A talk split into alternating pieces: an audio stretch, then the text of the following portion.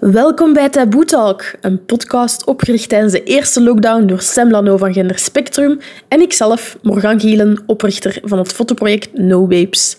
Via Taboe Talk willen we op momenten dat ik geen shoots kan doen, schoonheidsidealen en taboes in vraag blijven stellen. Heb jij zelf een pittig verhaal dat je wilt delen met onze luisteraars? Stuur ons dan zeker een berichtje op Instagram op taboetalk.nobabes en wie weet ben jij wel onze volgende gast.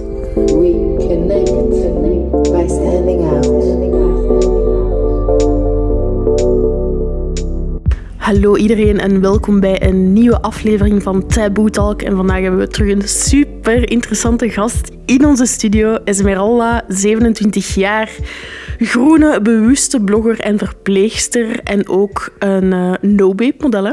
Hey Esmeralda.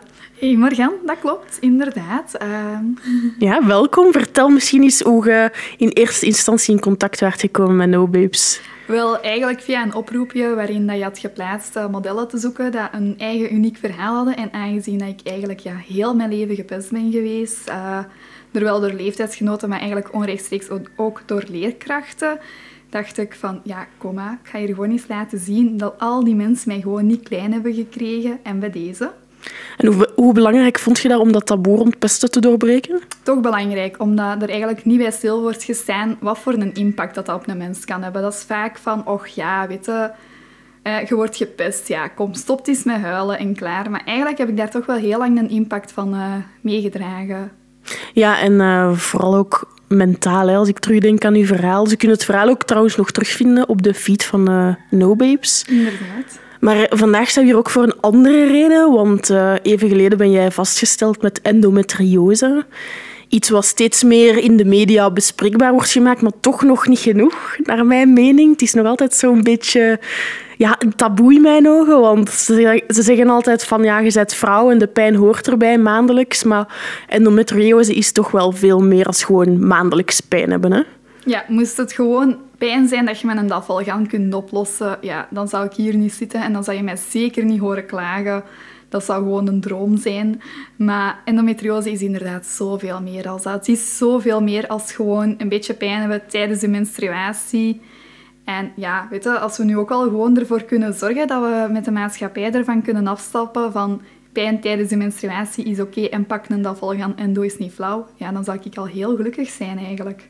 Ja, het is echt wel nodig. Hè? Want kunt je eens uitleggen wat het verschil is tussen endometriose en gewoon je regels hebben? Ja, eigenlijk kort gezegd, gewoon je regels hebben, daar mogen je eigenlijk geen last van ondervinden. Dat is gewoon eigenlijk bloedverlies dat eruit moet, punt, klaar. Meer is dat eigenlijk. Ah, ja.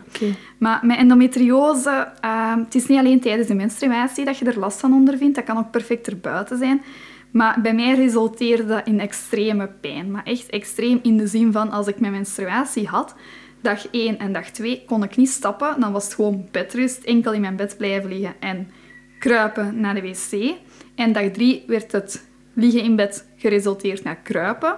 En dag 4 kon ik al terug rondstappen. En dan was ik al terug wat meer mens eigenlijk. Jesus. En dat was dus echt maandelijks dat jij gewoon ja, een week, een kleine week, echt oud werd. Ja, inderdaad. En dat, resulte- dat zorgde er ook voor dat ik zelfs ook gewoon niet kon gaan werken. En ja, vorig jaar met de coronacrisis was dat niet echt ideaal voor naar mijn werk te moeten bellen van hey, hallo mannen, ik heb mijn maandstonden weer. Ja, ik ben terug een week thuis. Hè.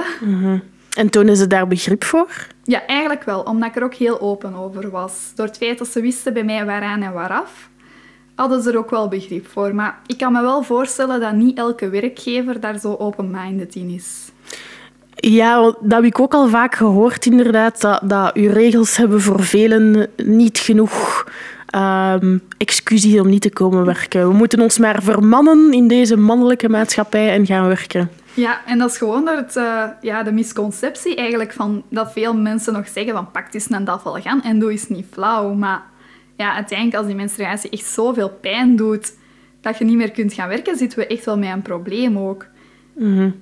En wanneer is dat bij u vastgesteld? Want vaak is dat ook wel op, op latere leeftijd dat dat pas voordoet, heb ik de indruk, of ben ik fout? Goh, uiteindelijk eh, duurt het proces tegen dat je de diagnose hebt, gemiddeld 7 à 8 jaar, toch tot soms 10 jaar. Uh, bij mij is vorig jaar in mei vastgesteld. Uh, Ja, dan werd je 26, hè? Dat klopt, Ja. inderdaad. En hoe hebben ze dat bij u vastgesteld? Bij mij was het eigenlijk al zo dramatisch dat ze bij mij gewoon op een vaginale echo al konden zien dat er zoveel letsels waren. Maar eigenlijk officieel, de diagnose krijg je pas na een operatie. Omdat op veel echo's kan het gewoon ook niet gezien worden. En je moet ook al echt een gynaecoloog hebben dat er kennis van heeft, dat het kan opmerken.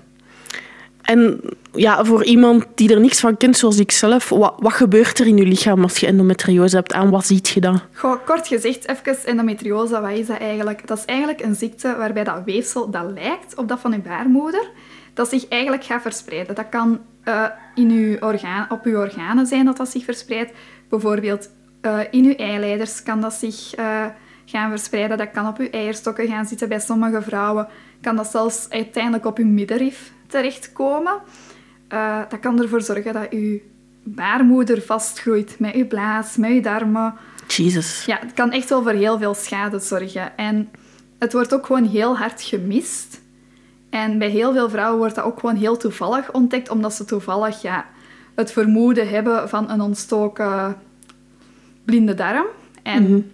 dan zien ze opeens tijdens een operatie van, oei, dat is niet alleen dat. Dus Ja. zo'n verhalen heb ik ook al gehoord, waarbij dat eerder toevallig wordt ontdekt. Dus ja, het wordt gewoon tijd dat er wat meer belangstelling voor wordt gedaan, zoals dat we nu bezig zijn, want deze kan niet, hè. Ja, en, en ik verschiet er ook van dat dat alleen pas vastgesteld wordt bij een operatie, zoals je zegt. Of een, of een echo, een vaginale echo. Het probleem is dat veel gynaecologen het gewoon ook echt missen op een echo.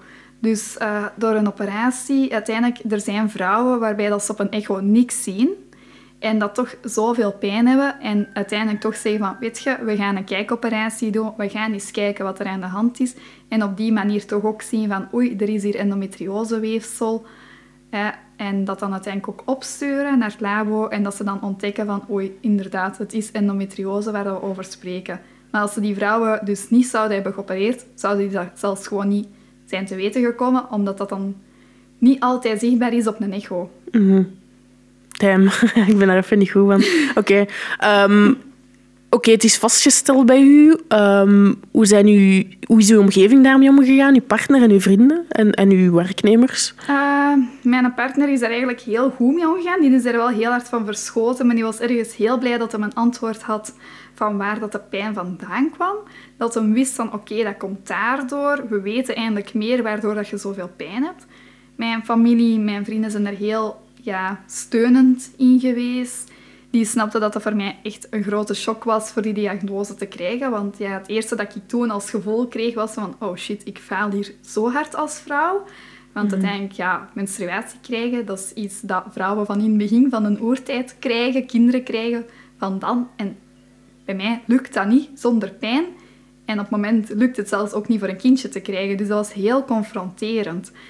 En ja, ik had heel hard dat gevoel van ik faal hier zo hard als vrouw, maar dat is ook uiteindelijk totaal niet, want dat is gewoon brute pech dat je hebt, dat je die ziekte krijgt. -hmm. En is daar een bepaalde aanleg voor? Is dat, is dat erfelijk of, of komt dat door een bepaalde levensstijl of hoe komt dat? Eigenlijk weten ze daar nog veel te weinig over. Als je weet dat er meer onderzoek wordt gedaan naar impotentie bij mannen dan naar vrouwen bij endometriose, denk ik dat we nog een lange weg hebben te gaan. Het toont weer een disbalans in deze maatschappij tussen vrouwenrechten en waarom feminisme nog nodig is. Dat wou ik even ertussen steken. Ja, het is duidelijk geen disbalans. Het is niet alleen een disbalans in je hormonen, maar ook in de maatschappij. Dat is ja, waar. Klopt, klopt. En waarom denk je dat er nog zo'n taboe hangt rond dingen zoals dit, maar ook de menstruatie en zo bespreekbaar te maken? Omdat uiteindelijk veel vrouwen vinden dat ook gewoon ja, vies. Het wordt ons uiteindelijk ook door de media opgelegd dat je menstruatie vuil is. In de zin van, als je een filmpje kijkt van bijvoorbeeld The Always of Tampax, mm -hmm. dan zie je vrouwen lachend, glimlachend rondlopen. Oei, ze hebben een maandstonden. Oh nee, een klein rood plekje. Laten we daar iets aan doen met heel veel parfum, heel veel bloemetjes. En je ziet die dan uit het toilet wandelen met heel veel bloemen rondom hun... Ja, nee, zo is het niet. Hè. Dat is niet de wer werkelijkheid. Hè. Het is zelfs niet oké okay dat er parfums aan zo'n dingen worden toegevoegd. Want het wordt al zelfs keihard afgeraden voor je vagina gewoon te wassen met zeep. Laat staan dat je daar zo maatverbanden met keiveel parfums ga heel de dag op gaan mm -hmm. versmachten. Ja, ik vind dat goed dat je dat aanhaalt, want ja, dat wordt echt verkocht. Um, Maar dat is zo slecht om je coochie, om je vagina ehm, ja, te wassen, inderdaad. En ook zelfs in de reclamespots waar je het over had. Het is geen rood vlekje dat tonen. Het is vaak zo'n blauw gelken of zo. inderdaad. Want zelfs dat is het ta- taboe om te tonen. Ja, want oh nee, laten we toch geen bloed zien. Hè? We kunnen dat wel zien in actiefilms waarbij dat mannen elkaar eh, vermoorden, maar een vrouw daar menstruatie heeft en dat bloed uit haar vagina. Ai, nee, dat kunnen we ons niet voorstellen. Hè? Dat gaat niet, maar het is wel realiteit. Elke vrouw maakt het mee. Dus waarom zijn we er dan zo stil over? Waarom praten we er niet over? Op het werk ook. Ik heb jaren gehad en ik denk dat heel veel vrouwen dat gaan kunnen beamen. Als ik mijn menstruatie had en ik had mijn maandstonden en ik moest een nieuw tampon nemen of een nieuw maandverbandje, dan pakte ik dat zo stiekem. Ik schoof dat in mijn mouw, Ja. want ik wou niet dat ze dat zien. Hè. Oh nee, de hel. Ik heb dat nu eigenlijk nog altijd, zo, Ah, dat ja. je dat zo een beetje verstopt. Als het met een groep vrouwen is, ça va, maar als er zo venten bij staan, is het zo rap wegmoffelen en dan naar het wc gaan. Bij mij is echt zo van, yeah, I'm having them. Yep. Ah, dat is goed. Ik kan nog Dus- iets van u leren dan. Echt in mijn zak op het werk, dat staat in de keuken gewoon. Echt, mijn maandverband zit daarin. Omdat ja, ik zit niet op de anticonceptie, dus dat kan voorkomen opeens out of the blue. Ja, weet je, je ziet dat gewoon los in mijn zak liggen en ik heb echt zoiets van... Doesn't Mhm. matter. Allee, ja. Dat is een goede overgang naar eh, een andere vraag die ik had. Van, ehm, vaak schrijven ze anticonceptie voor, omdat dat zogezegd helpt. Maar eigenlijk onderdrukt dat alleen maar, denk ik dan. Ja, dat klopt. Eh, ik heb het onlangs zelf ook meegemaakt, eh, dat ik het antwoord kreeg van een dokter van... Ja, Esmee, als je gaat stoppen met fertiliteitsbehandeling, dan moet je op de pil, want dat is de enige behandeling tegen endometriose. En ehm, ik denk dat ik toen bijna in de Spaanse colère schoot. Ja, ehm, omdat uiteindelijk, wat doet de pil? Het legt gewoon alles plat. Punt klaar. Je hebt, geen je hebt geen hormonale cyclus. Zoals dat wij nu vrouwen hebben. Dat is prachtig. Hè? Als je dat gaat liggen bestuderen. Je hormonale cyclus. Hè? Wanneer dat je menstruatie hebt. Dat je in je winterfase zit. Allee, ja, dat je even wat meer in je eigen moet keren. Terwijl als je ovulatie hebt, dat is zo wat Beyoncé-effect dat je krijgt. Dat je zo je van, Yes. here I am, bitches, ready to mingle. Allee, ja. Nice. Dus, en uiteindelijk met de pil, wat doe je met anticonceptie? Je legt dat plat, hè. Dus, en ik merk dat ook heel hard aan mijn eigen, als ik op anticonceptie zit. Ten eerste, ik zit een diepvries. Mijn, libi- mijn libido kun je ergens in de kelder gaan zoeken. En ten tweede, die moedswings. Manneke, alstublieft. Mijn man die moest dan maar één ding verkeerd zeggen, dat bij mij er verkeerd in kwam. En ik stond op ontploffen. Hè? Allee, ja, ik, zag het, ik zag een rode doek. Hè? Allee, ja, dus nee, nee, bij mij meer afgezien tijdens mijn piltijd eigenlijk dan nu. Omdat, ja, dat ligt alles zo hard plat. Je Ja. hebt gewoon geen cyclus. Het verdoezelt gewoon alles. Legt gewoon alles plat. Ja, en dus ook de endometriose, dat kan misschien een beetje helpen, maar het neemt totaal niet het probleem weg. Het onderdrukt het gewoon en misschien als je dan ooit eens stopt met de pil, gaat het alleen nog maar twee keer erger zijn of zo. Uiteindelijk, als je dan stopt met de pil, komt dat gewoon naar boven. En dan heb je wel die klachten. En dan denk je, oei, wat is deze? Maar uiteindelijk, als jong meisje, begint het al vaker. Ah, je hebt wat menstruatiepijn. Ja, hier is de pillen. Zo ben ik op mijn 14 jaar op de pil gezet. Heb ik dat 10 jaar genomen. Maar er wordt Ja, eigenlijk same. veel te weinig over gesproken. Hè? Allee. Klopt. En wanneer je dan stopte met de pil, was die pijn er dan onmiddellijk terug? Of moest je lichaam zich eerst weer herbalanceren en begon dan de pijn? Eh, het was eigenlijk niet meteen. eh, want ik heb nog het jaar ervoor een tattoo kunnen laten zetten tijdens mijn menstruatie. Dus eh, toen had ik er eigenlijk weinig last van. Het is echt gekomen met een tijd. eh, dat dat echt ja, begon te groeien uiteindelijk. Dus dat wel aanwezig was, maar dat dat gewoon ja, plat lag uiteindelijk. Want mijn hormonen werden gewoon, lagen gewoon plat. En dan uiteindelijk, ja, doordat je daarmee stopt, begint dat terug te groeien. En begon dat gewoon te groeien bij mij. En tegen dat je dan een diagnose hebt, waren in mijn geval twee jaar verder. Oké. En ehm, je bloedde wel direct terug nadat je de pil werd gestopt. Dus Ja, dat was klopt. wel normaal, maar die symptomen zijn pas later echt erger ja, geworden. echt stelselmatig erger beginnen te worden. Allee, ja. En wat zijn zo de eerste dingen dat je dan merkt van symptomen? Bij mij was dat voornamelijk echt die pijn tijdens de menstruatie. Nu, eh, wat dat ook een aantal symptomen zijn, pijn hebben tijdens eh, het vrijen. Eh, ik had echt op bepaalde momenten heel veel pijn als ik seks had met mijn man. Ehm, uiteindelijk, ja, goh, wat zijn er nog symptomen van? Er is echt een hele lijst. Hè. Vermoeidheid, eh, ja, gewoon buikpijn, eh, opgeblazen zijn, dat je van een opgeblazen gevoel hebt, dat is er ook een symptoom van. Eh, wat Ja, en blijkbaar ook iets met de blaas, dat dat op je Ja. blaas kan duwen, dat je veel meer naar het toilet moet. Of... Ja, dat kan zijn, omdat ja, het kan ook ervoor zorgen dat je blaas vastgroeit uiteindelijk met My God. baarmoeder. Jezus. Maar bij u was, was uw darm Dat is met mij een darm. Dus met als gevolg ook, als ik eh, mijn menstruatie had en ik moest dan stoelgang maken, dat was een ramp. Dat was echt zo pijnlijk. Shit. Ik keek daar toen altijd tegenop van als ik eh, mijn menstruatie had van oh nee, ik moet hier stoelgang maken. En dat is keigoed dat je dat moet doen, want je lichaam heeft dat nodig. Want je lichaam moet al zijn afvalstoffen kwijtspelen. Mhm. Maar ik keek daar toen zo hard tegenop elke keer van oh nee, dat gaat pijn doen. Op Ja. de duur begin je eigenlijk ook een beetje zot te maken. Zo, van oh nee, dat gaat hier pijn doen. Shit. ja, ja. Dus elke keer als je de grote boodschap moest doen, was dat echt Ja. een hel gewoon. Dat was echt een hel, inderdaad. Oké. En je sprak ook over vermoeidheid, maar ik kan mij voorstellen dat dat niet gewoon een beetje moe zijn is, zoals veel mensen kennen, maar Nee. dat je echt in je bed ligt. En, Dat je echt gewoon niet meer kunt, eigenlijk, met momenten. ja. En je denkt dan van, oh ja, ik heb te hard gewerkt, want ondertussen blijf je verder gaan met je dagelijks leven, zolang dat je geen officiële diagnose hebt gehad. Heb je zoiets van, waarom ga ik mijn eigen hier moeten aanpassen aan iets? Allee, dat komt wel terug. Dat komt, ik heb gewoon wat minder gezond gegeten, zo denk je dan. Mhm. Dat komt wel. Als ik eh, volgende week wat gezonder begin te eten, die vermoeidheid gaat dan ook weg zijn. Allee, Mhm. ja.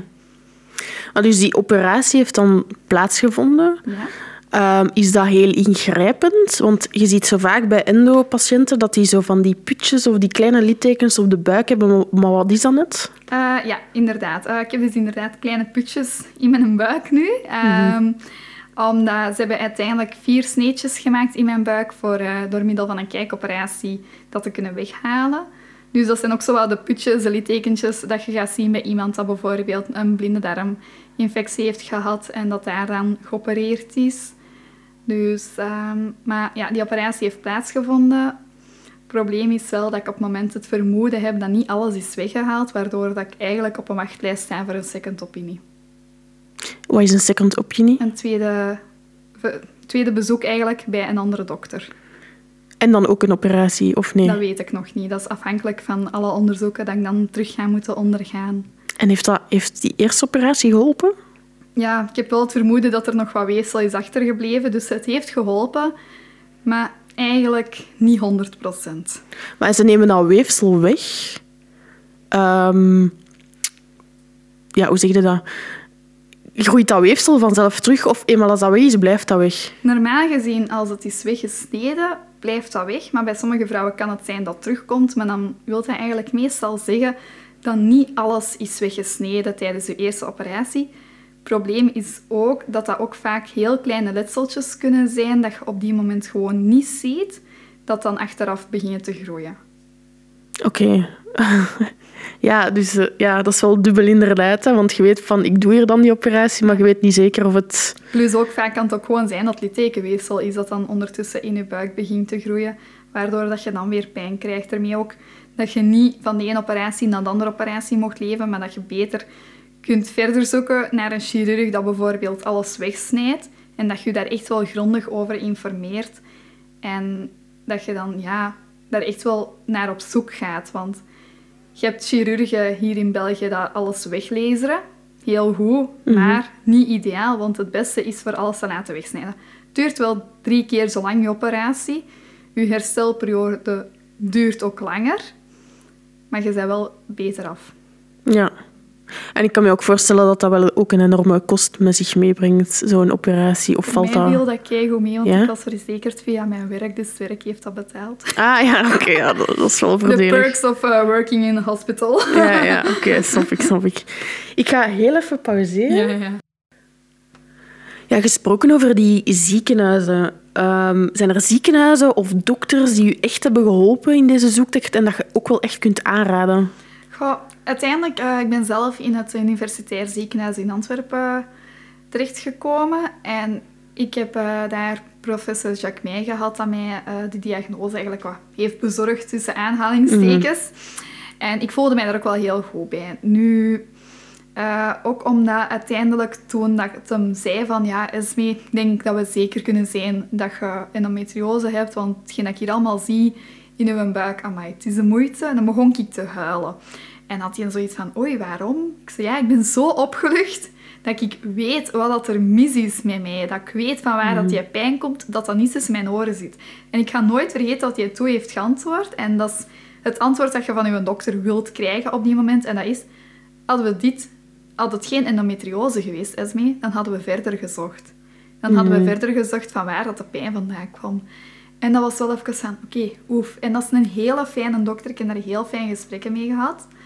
Ehm, daarnaast, hier in België is Leuven wel aan de top. Dus als je de kans hebt en je ziet dat zitten voor op een wachtlijst van negen maanden terecht te komen, Oh. ja, ga naar het UZ van Leuven. Waarom? Omdat zij hebben daar ook op het moment gewoon de meeste kennis voor, over. Zij hebben daar ook echt een centrum over, voor eigenlijk. eh, en ze snijden ook weg bij een operatie. Tegenover in Antwerpen laseren ze weg. Zo is dat toch bij mij gebeurd. Eh, dus dat is wel interessant om te weten. Ja, en hoe komt dat dat zo'n lange wachtrij? Omdat meer en meer vrouwen hun klachten eindelijk serieus beginnen te nemen en zoiets hebben van oké, ik moet hier verder mee gaan.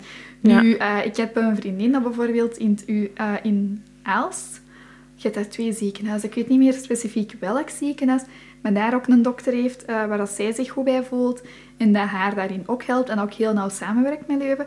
Dus ik zou zeggen, als je daar vragen rondom hebt welke dokters dat goed zijn, mocht altijd naar mij komen en een keer vragen. En dan zoek ik wel verder, afhankelijk van welke regio dat je bent, van naar welke dokter dat je kunt gaan. Want ja, uiteindelijk, voor het begin, voor de eerste echo's of zo, kun je perfect gaan naar iemand in de buurt dat er kennis van heeft. Maar als je zegt van, ik weet dat ik geopereerd moet worden, is het wel een interessante voor de overstap te maken naar Leuven. Ja, misschien is het ook dan interessant om mee te geven waar ze u allemaal kunnen vinden, want je bent ook bezig met een community op te richten rond endometriose. Ja, dat klopt. Eh, zelf ben ik eh, dus een groene bewuste blogger en kan je mij persoonlijk vinden op Heartfully Conscious. Ik ben daar heel open. Ik deel echt alles. Bij wijze van spreken in de zin van...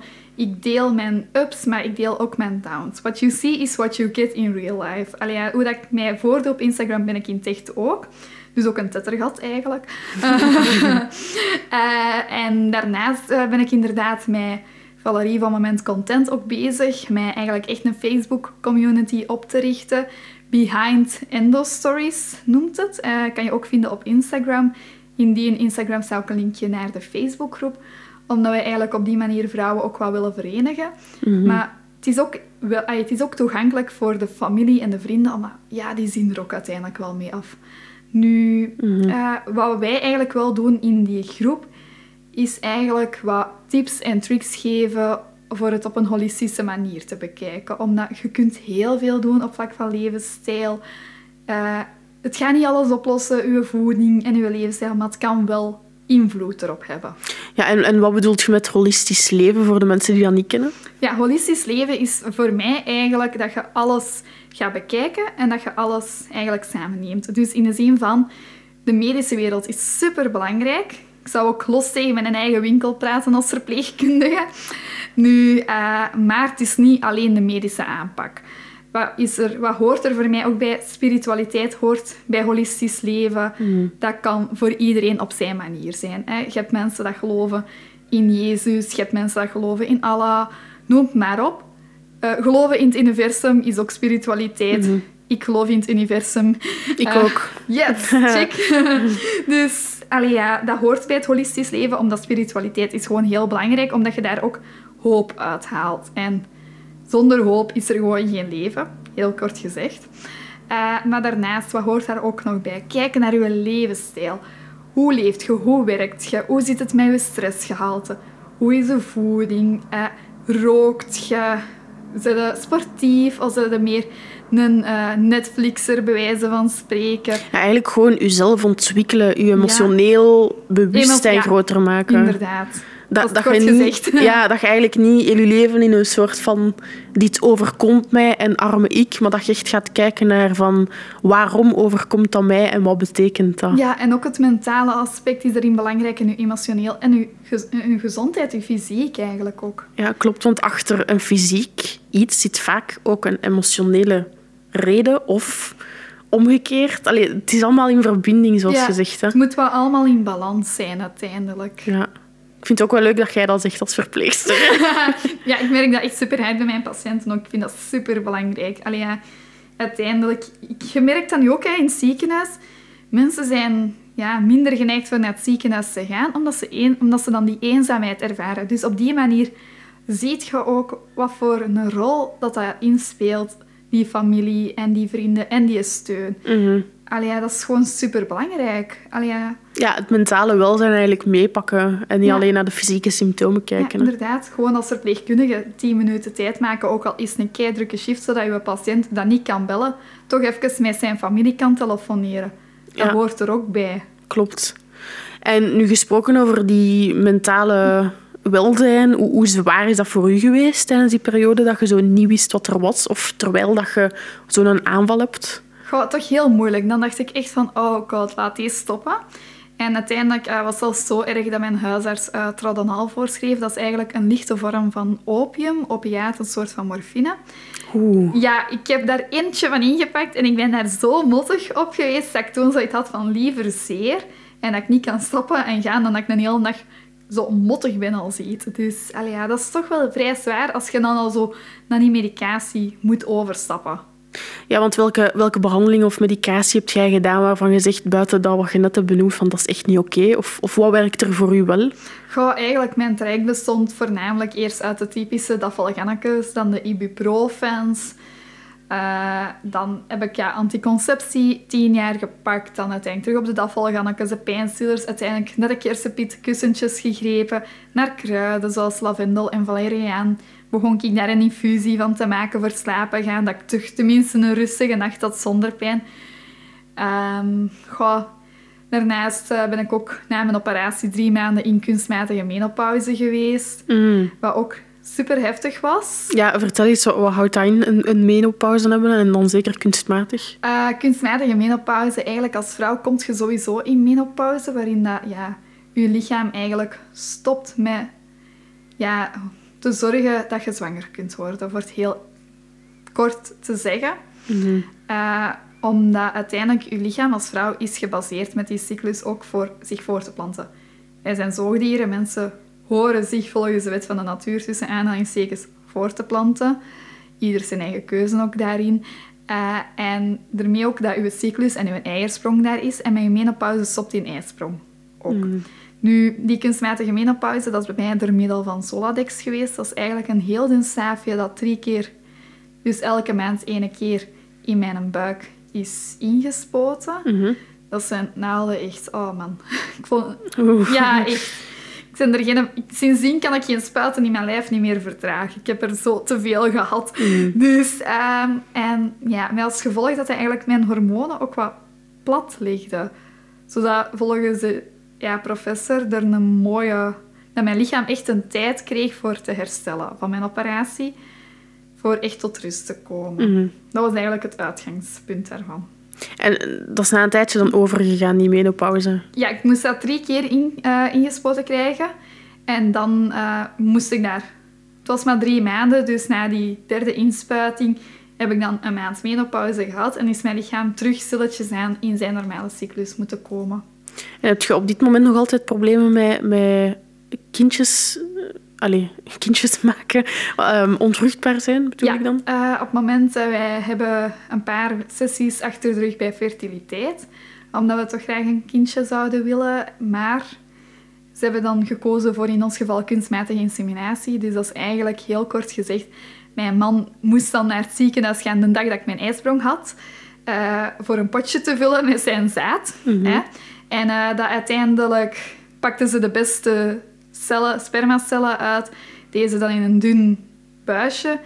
En onder echo spoten ze dat eigenlijk in. Dat is kunstmatige inseminatie. En daar zit je nu mee bezig? Was. Was. Omdat we zijn ermee gestopt. Omdat ik heb twee sessies achter de rug. En ik heb het gevoel dat niet al het endometrioseweefsel eruit uit mijn lichaam is verwijderd tijdens mm -hmm. mijn operatie. Met als gevolg ook, ja, ik weet dat endometriose het moeilijker maakt. Als uw buik dan ook niet volledig propen is, gaat je lichaam sowieso niet in de stand geraken van we gaan hier voortplanten. Maar blijft je lichaam in de stand van ik moet hier overleven. Mm -hmm. Ik heb op het moment gewoon ook heel veel stress door andere dingen in mijn leven. Waardoor dat ik eigenlijk ook heel hard voel van het is nu ook niet het moment. En met kunstmatige inseminatie willen ze maar drie à vier sessies doen. En dan willen ze eigenlijk overschakelen op IVF. Maar IVF zie ik en mijn man totaal niet zitten. Dus dan, Wat is, wat is IVF voor de mensen die dat niet kennen? Ah, oh, intra, ah, in vitro fertilisatie of zoiets. Ja, ik durf het niet volledig te zeggen. Maar het komt erop neer dat je echt op bepaalde tijdstippen hormonen moet gaan inspuiten. En dat ze dan je eicelletjes echt eh, weghalen. Dan eh, in een ja, labo-schaaltje in een labo dan bevruchten met spermacellen, met zaadcellen van uw man dan. Mhm. En eh, dan uiteindelijk die eitjes terugplaatsen in uw baarmoeder zelf. Oké, best wel eh, ingrijpend. Yep, Dus inderdaad. En dat zie ik gewoon echt niet zitten. ja, dat snap En ik. heel veel respect voor de vrouwen dat daar wel voor gaan. Maar mijn man en ik, wij zijn er op het moment niet klaar voor. Voor hetzelfde geld spreken we daar helemaal anders over, over een, over een aantal jaar. Maar nu... Ja, dat is misschien zo de- last Ja. hope of zo. Ja, en mijn man heeft ook zoiets van, als dat niet, als dat via die weg moet gaan, gelooft hij er heel hard in van, dan zijn we op het moment niet gemaakt voor kindjes te krijgen. Dan moeten we gewoon nog meer hondjes uit Spanje adopteren en redden. Ja, ja. Je hebt lieve hondjes, schattig. Ook vaak te zien op foto's op Ja, je ja, ja, dat is mijn trots, Instagram. Dat is mijn dochter, mijn G, zo noemen we ze. Zalig, zalig. Ehm, ja, dus je hebt al een operatie gedaan. Is er nu nog... Ik heb het misschien verkeerd begrepen, maar op dit moment pakt je dan geen medicatie meer? Dat klopt. Geen anticonceptie. Ja, oké. Omdat ik eigenlijk ja, die second opinie in november een beetje aan het afwachten ben. Ah, dat is pas in november, dus dat is nog wel even Het is wachten. binnen een termijn van negen maanden, dus ik was eigenlijk nog kei gelukkig toen ik Oké. hoorde dat november was. Ja, super. Ja, het doet mij ook denken aan de, aan de documentaire My Endo. Ja, Dat is een, vrouw, Ellen, die, Ellen, die spreekt ja. over hoe het is om endo te hebben. En dat is ook wel hevig om te zien in beelden. hè? Oh, maar echt, ik heb gehuild toen ik die documentaire zag. Ik Omdat het herkenbaar net, was. Ik was toen net geopereerd Mm. en dan kwam die op tv en ik heb die dan samen met mijn man bekeken. En wat ik heel confronterend was, heel- vond om te zien, was hoe dat die haar man neerzat te huilen en zei van... Ik wil gewoon dat die pijn stopt. Mhm. Omdat op die moment zag ik Gerrit daar gewoon zitten. Dat eigenlijk aan het huilen was. En zei van, ik wil gewoon dat die pijn stopt. En die heeft vaak bij mij huilend gezeten. Van, schat, ik wil gewoon dat je pijn stopt. Want dat is voor mij zo zwaar om te zien. Mhm. Allee. Ja, en die kunnen niet echt iets doen om te helpen waar ze er voor Nee. u zijn, maar die kunnen dat niet wegnemen. Hè? Nee, inderdaad. En na mijn operatie heeft hij er alles aan gedaan voor mij te helpen. Want dan had ik echt dagen dat ik de kracht niet had voor de trap op te gaan of voor mij te douchen. En dan heeft hij mij echt een paar keer echt naar boven gedragen, mij onder de douche gezet en gezegd van nu ga je even rustig douchen. Bij mij ook zelfs het bad overgedragen, want mijn douche is zo in mijn bad eigenlijk. Mhm. Dus en dat was op die moment te hoog voor mij, voor daarin te kruipen. Dus heeft hij mij er echt in gezet, letterlijk. En dan was hij altijd boos als ik dan achteraf rustig de trap afging. Omdat ik het dan... Ja, ik was dan te koppig voor te zeggen van... Schat, ik ben klaar. Kom mij maar halen. En dan was hij altijd boos, want dan had hij zoiets van... Ja, laat mij toch helpen. Maar op een schaal van 1 tot 10, als je zo'n aanval krijgt, hoeveel pijn heb je dan? Eh, vorig jaar... eh 11. 11. Ja. Ja. Echt onmenselijk veel pijn eigenlijk. Veel pijn. Het, hoort ook wel, het zit ook in de top 10 van meest pijnlijke ziektes. Ja, eh, dat is ook gewoon even te weten dat het niet is om mee te lachen. Hè? Ja. Daarmee ook dat het zo belangrijk is, als je pijn hebt tijdens je menstruatie, neem het serieus. Luister niet naar die vrouwen of naar die dokters of naar andere mensen rondom je dat zeggen van pak een dafvalgan en doe niet flauw, want je doet niet flauw. Mhm, Pijn hoort gewoon niet tijdens je menstruatie. Klopt. Dus ga er gewoon mee verder. Zoekt u een dokter dat wel in u gelooft. Dus nog ga er naar tien. Ja. Eerlijk gezegd, ik heb een beetje schrik gekregen na ons gesprek, omdat mijn oma die heeft een operatie laten doen om haar zenuw te laten doorknippen, omdat die zoveel pijn had vroeger van haar regels. Mijn mama die gaat elke maand dood van haar regels. En toen ik stopte met de pil, ik heb dat ook tien jaar lang gepakt, ehm, na een paar maanden begon ik echt maar, te kotsen, in mijn bed te liggen voor dagenlang. En ik heb echt zoiets van, oeh. Ik ben daardoor ook terug ges- gestart met de pil. En ik ben nu twee maanden geleden terug gestopt. Dus ik heb zoiets van... Ik hoor dan nu dat dat zo na een paar maanden terug kan opspelen. En ik heb zoiets van, als het binnen een paar maanden terug opspeelt, kan het misschien zijn... Dat kan zijn dat je daar last van hebt, maar er zijn ook heel veel andere ziektebeelden daarbij dat pijn gekend is voor je menstruatie. Ja, Maar als je zegt van ik heb echt pijn en ik ben echt aan het kotsen tijdens mijn menstruatie, zeker laten onderzoeken. Allee, ja. En naar waar zou een persoon als ik dan eerst moeten gaan? Is dat een gynaecoloog? Gyn- ik kan dat woord niet uitspreken. Een gynaecoloog. Gynaecoloog, Jesus. ja, gynaecoloog. Yes, ik zou dat echt doen. Omdat, je kunt wel naar een huisarts gaan, maar dan moet je ook al geluk hebben dat een huisarts daaraan denkt. Ik ben zelf naar mijn huisarts toegegaan en ik heb gezegd van dokter, ik heb het vermoeden dat ik endometriose heb. Want Ja. als ik al die symptomen hier afga, dan ben ik ik gewoon. Ja, ja. Dus, en dan eh, heb ik gewoon gezegd, ik wil dat je, voor, dat je mij een doorverwijzing schrijft. Ik heb op dat vlak een zalige huisarts, dat mij Mhm. daar ook keihard in steunt, gelukkig. Maar ik zal inderdaad naar een gynaecoloog gaan. Oké, ik ga het als je dan het vermoeden hebt van endometriose, zoek die ineens eentje dat er toch wat kennis van heeft. Ja, inderdaad. Dus dan ga ik richting Leuven, hè. Oké, Ja, inderdaad. check. Noted. Dat is hier ook het dichtstbijzijnde, denk ik. Ja, klopt. 20 minuutjes van hier. Oh, Oei. Kijk hoor. Zet Ik- je al op de wachtlijst. Ah ja, oh god. Nee, laten we gewoon hopen dat er niks aan de hand is. Oké, maar even terzijde. Ehm, zijn er nog zo van die boeken of films dat je kunt aanraden om mensen te informeren over Ah. endometriose? Ja. Yes. Oké, Eh, welke boeken dat ik zou aanraden? Sowieso Period Repair Manual van Laura Brydon. Die bespreekt ook heel uitgebreid hoe dat je menstruatie eigenlijk opgebouwd is qua hormonen. En eh, die heeft ook een heel hoofdstuk gewijd aan endometriose, wat super interessant is. Die bespreekt ook daar levenswijze tips voor voeding, bijvoorbeeld. Ehm, vond ik een heel interessant boek. Daarnaast eh, Happy Hormones Guide gewoon voor als je echt aan de slag wilt met je hormonen, dat je eigenlijk wilt weten wat dat ze zijn. Want ja, wij vrouwen wij zeggen altijd van, "Ha, het zijn hormonen, maar we weten er eigenlijk niks van. Hè? Dus, Klopt, klopt.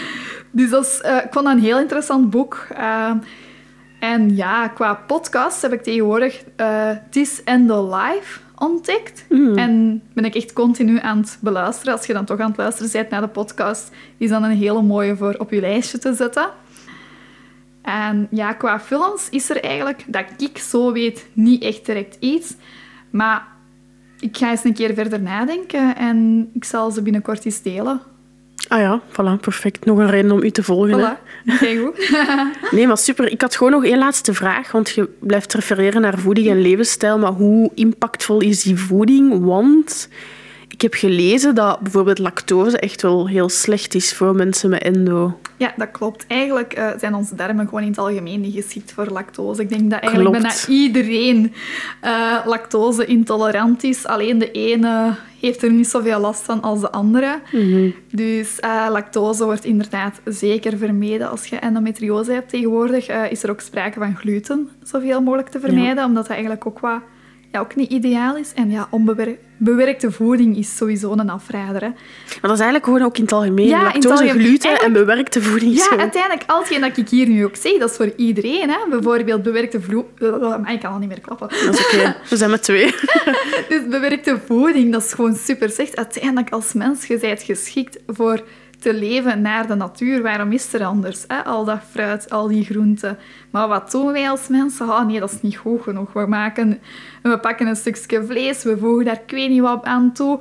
Want ja, als je in de winkel een stukje vlees koopt, echt vlees kun je het niet meer noemen. Hè? Als je de conserveringsmiddelen er allemaal bij telt. En Eh, als je ziet dat grotendeels zelfs uit water bestaat. Allee, ja, kom aan. Ja, hetzelfde met brood en zo. Hè. Ja, inderdaad. Ze doen daar bepaalde bewaarmiddelen in. Ja, om- en zelfs bepaalde bewaarmiddelen zijn zelfs gemaakt van veren, had ik gelezen. Dat kun je toch niet? Gemaakt van Veren. veren. Wat? Ja. wat? Dus, allee, dat zijn Ja. dingen dat je echt zoiets hebt van, met wat zijn we hier bezig? Of bijvoorbeeld een fristi met eh, rode luisjes dat erin zit. Oh. Ja, maar we drinken het met z'n allen, want hey, het is lekker, het is zoet, tuurlijk. Ja, er zit keihard suiker aan toegevoegd. Allee, ja. Ja, voeding is zo de basis, maar heel veel mensen denken daar eigenlijk gewoon niet Of aan. Hè. ze vinden het gewoon heel confronterend om te moeten beseffen van oei, hetgeen dat ik hier eigenlijk allemaal aan zie als gezond, is dan toch niet zo gezond. En is dat dan beter om in de bioplannen te gaan shoppen? Of heb je zoiets van, dat, dat hoort allemaal bij die grote ketens en ik dat is even vind slecht? een Bioplanet een zalige winkel, omdat dat daar ook heel duidelijk is aangegeven. En bijvoorbeeld ook, je hebt daar een heel groot gamma aan glutenvrije ja, true. producten bijvoorbeeld. Ehm, qua groenten en fruit vind ik het aangenamer voor iets biologisch te eten natuurlijk. Het jammer is, is dat het zo duur is, hè, Ja, tegenover... en eh, je moet er ook al een beetje voor rijden, hè, want een dichtstbijzijnde Bioplanet bij mij is al 20 minuutjes rijden. Allee, ja, eerlijk klopt. gezegd, ik heb er geen tijd voor, hè, dus... Ja, dus de algemene boodschap is van, kijk naar je voeding, mensen. Kijk gewoon naar je voeding, maar probeer het gewoon te doen wat dat voor u haalbaar is en begin Ja. gewoon klein. is dat je zegt van ik begin nu al bijvoorbeeld met ja, mijn melk in mijn koffie te vervangen door een plantaardige. Go for it. Als je zegt van oké, ik ga hier wat meer groenten en meer fruit op mijn lijstje zetten, op mijn weekmenu. En het is dan misschien niet biologisch, het is al een stap vooruit. Wat ik ook vaak heb als lactose- en glutenintolerant persoon, is dat iedereen zegt, eh, dat is zo vies, zo die Dat vervangers. een misconceptie. hè. Klopt, Allee. want als ik dan mensen uitnodig en die komen eten en ik zeg niet dat dat glutenvrij is, dat is van, oh, dat is zo lekker. Hetzelfde met veganistisch. Hè? Ik heb al veel mensen uitgenodigd en dat zeggen, oh, veganistisch, dat is kei vies. En dan kom ik af op het werk met mijn potje veganistisch eten bijvoorbeeld. En dan is ze, oh, wat heb jij mee? En dan vertel ik dat, oh, dat ziet er wel goed uit. Ik zo, ja. En wie zei er hier allemaal dat veganistisch eten vies was? Allee, ja, Ja. Ik heb mensen nog nooit horen klagen bij mij toen ik een volle vegan op tafel zette. Ja, er is echt een grote misconceptie rond ja, veganisme, maar ook, ook intoleranties en dat allemaal vies is. Dat is echt zo van... Kruiden zijn op dat vlak je beste vrienden. Hè? Met kruiden kunnen zoveel doen. Hè? Ja, klopt, klopt. Allee, het was super boeiend. Ik denk dat ik nog twee uur met u zou kunnen babbelen. Ja, wederzijds. Maar dus je kunt haar terugvinden op Instagram. Ja, Misschien nog even herhalen Op waar. Heartful Icoontjes kan je mijzelf eh, terugvinden als je houdt van mijn bubbly persoonlijkheid en van eh, iemand te zien dat gewoon echt is in het leven naar ups en downs deelt. Zeker een aanrader voor mij te volgen. Ehm, daarnaast eh, over endometriose, Behind Endo Stories, kan je ons ook terugvinden. Ja, ik ben heel benieuwd. Ik ga er zeker reclame voor maken op Kijk, Taboe goed. Talk en eh No Babes uiteraard. Super, merci. Dikke merci om naar hier te komen. Ja, en, jij eh, bedankt voor mij uit te nodigen. Als er nog vragen zijn van de luisteraars, je weet Esmeralda te vinden. En je mag ons ook altijd contacteren via taboetalk.nobabes. En samen voor meer tolerantie, diversiteit en een verschil. Miljard. Ik zeg het elke keer, maar zo belangrijk. Dat is zo, ja, echt. Als we daar al voor kunnen gaan, Echt, hè. wereld zal zoveel beter op zijn. Top. Merci. Ciao. Doei, doei.